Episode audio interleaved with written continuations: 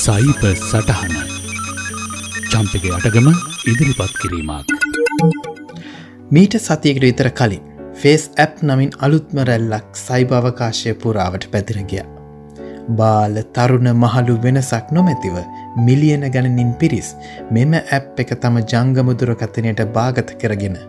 ඉන් තමන්ගේ මුහුණ වයසට ගියවිට දෙස්වෙන අයුරු ඉතා තාත්තිකව නිර්මාණය කරන දෙස බලා. අමන්දානන්දයට පත්වී තමන්ගේම වයස්කත ඡායරූප සමාජජාල හරහ බෙදා ගැනීම සමඟ මෙ රැල්ලක් බවට පත් වනා.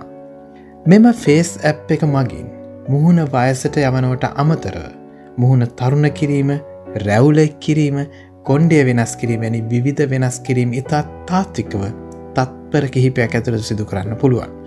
බොහෝ දෙනෙක් එම ඇප් එක තමන්ගේ ෆේස්බුක් Twitter ඉන්ස්ට්‍රගම් වැනි සමාජ්‍යාලා ගිනුම් සමඟ සම්බන්ධ කරගත්තේ. හැකික්මනින් තම මිතුරු කවයන් සමඟ මේ අපෝරු වයසට යමන් ලද ඡායරූපෂයා කර ගන්නටයි. නමුත් දවසක් දෙකක් ඇන්නටත් කලින් බටහිර මාධ්‍ය මෙම රැල්ල සම්බන්ධයෙන් අතිශයෙන් විමසිලිමත් වන ලෙසින් උපදෙස් දුන්නා. ඇප් එක ඉන්ස්ටෝල් කරද්දී බොහෝ දෙනෙක් නොකියවා එකඟ වෙන කොන්දේසි එනම් Terms of Service අතරේ එය භාවිතා කරන අයගේ ඡායරූප සහ වෙනත් විස්තර සම්බන්ධව පූර්ණ අයිතිය එම ඇප් නිර්මාපකයන්ට ලැබෙන බවක් හැඟවුණා. එහි සඳහන් වූ වචන කිහිපයක් මේ.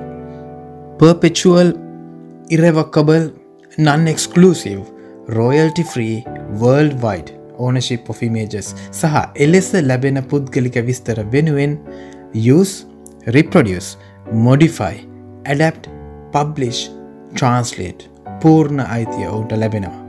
බටහිර මාධ්‍යමින් වඩාත් කලබලයට පත්වනේ මෙම ඇප් නිර්මාපකයන් රුසියාවේවීම. මෙම ඇප් එක හරහ බටහිරල්ලොවේ සතුරන් ඉතා උපක්‍රමශීලීව මිලියන ගණන් මිනිසුන්ගේ මුහුණේ විස්තර සහ නම්ගම් එකතු කරගත්තා දැයි ඔවුන් සැක පහල කරා. සාමාන්‍යයෙන් ජංගම දුරකථනයකින් ලබාගන්නා රූපයක එම රූපයට අදාළ බොහෝ තොරතුරු තිබෙන වග ඔබ බොහෝදනෙක් දන්නේ නැහැ.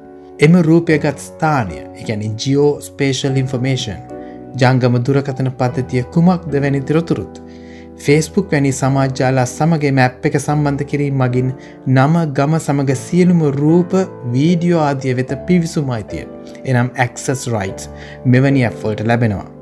එනිසා නම ස්ථානය මුහුණඩංගු ඡායාරූප කැමරාවට පිවිසුම් හැකියාව සහ නෛතිකව ඒවා භාවිතා කිරීමට පූර්ණ බලතර ලැබෙන මෙම තත්ත්වය ඉතා පැහැදිලිවම භයානකයි බව අමුතුවෙන් කියන්න ඕනි නැහැ. නමුත් මේ රුසියාවට සම්බන්ධ ඇප් එකක් නිසා බටහිර මාධ්‍ය මෙලෙසින් ඉතා විශාල් ලෙසෙහි අඳුරු පැත්ත කතා කරත්. එලෙසින්ම අපගේ පුද්ගලික විස්තර බටහිර ලෝකෙ තාක්ෂණික දැවන්තයන් වන ෆේස්බුක් Google සහ වෙනත් සමාජ ජාලා එම සේවා භාවිතා කිරීමේදීත් මීටත් වඩා පුළුල්ව ඇදගන්නවා. කුප්‍රකට කේම්බ්‍රිජ් ඇනලිටිකා සිදුවීමේදී මිලියන පණහක පිරිස්සෙක්ගේ දත්ත ඇමරිකානු ජනාධිපතිවරණය ප්‍රචාරක වැඩ සඳහා අවසරයකින් තොරව යොදාගත්තේ දිසිසියෝ ඩිජිටල් ලයිෆ් නම් ෆස්බුක් ඇ් එක කරා එකතු කරගත් විස්තර යොදාගෙනයි. මේ සමග ඇමරිකානු සෙනෙට් මණ්ඩලේ ප්‍රශ්න කිරීම් හමුවේ ෆේස්බුක් ප්‍රධානී මාක් සකබර්ග් විසින් පිළිගත්තේ. දක්ත ආරක්ෂා කිරීම සම්බන්ධව ප්‍රමාණවත් විදිවිධාන ඔවුන් ක්‍රියාත්මක නොකළ බවත් ඒ සඳහා ඉදිරියේදී පරපතල ලෙස මැදිහත් වෙනවාගත්. එනිසා මෙය පැහැදිලිවම එක ඇප් එකක් සම්බන්ධ ගැටලුවක් නොවේ. ෆේස් ඇප් එක ගැන ඒ රුසියන් වීම නිසා මෙලෙසින් මාධ්‍ය උළුප්පා කතා කිරීම එක්තරා විදියකින් සැඟවුණු ආශිර්වාදයක්. ඒ හරහා ඇප් එකතු කර ගැනිද්දී ඒවා ඇත්තරම අවශ්‍යද එයට ඇක්සසිල්ලන්නේ මොනවාටද අපගේ පුද්ගලික විස්තර අනවශ්‍ය ලෙස ඊට ලබා දෙනවාද ආදය ගැන තරමක දැනුවත්වීමක් බොහෝ දෙනෙකුට ලැබුණ නිසා. සයිබ අවකාශය තුළ අපගේ පුද්ගලිකත්වය විකිනෙන වග සත්‍යයක්. නමුත් හරි දැනුවත්වීමක් අවශ්‍ය වන්නේ.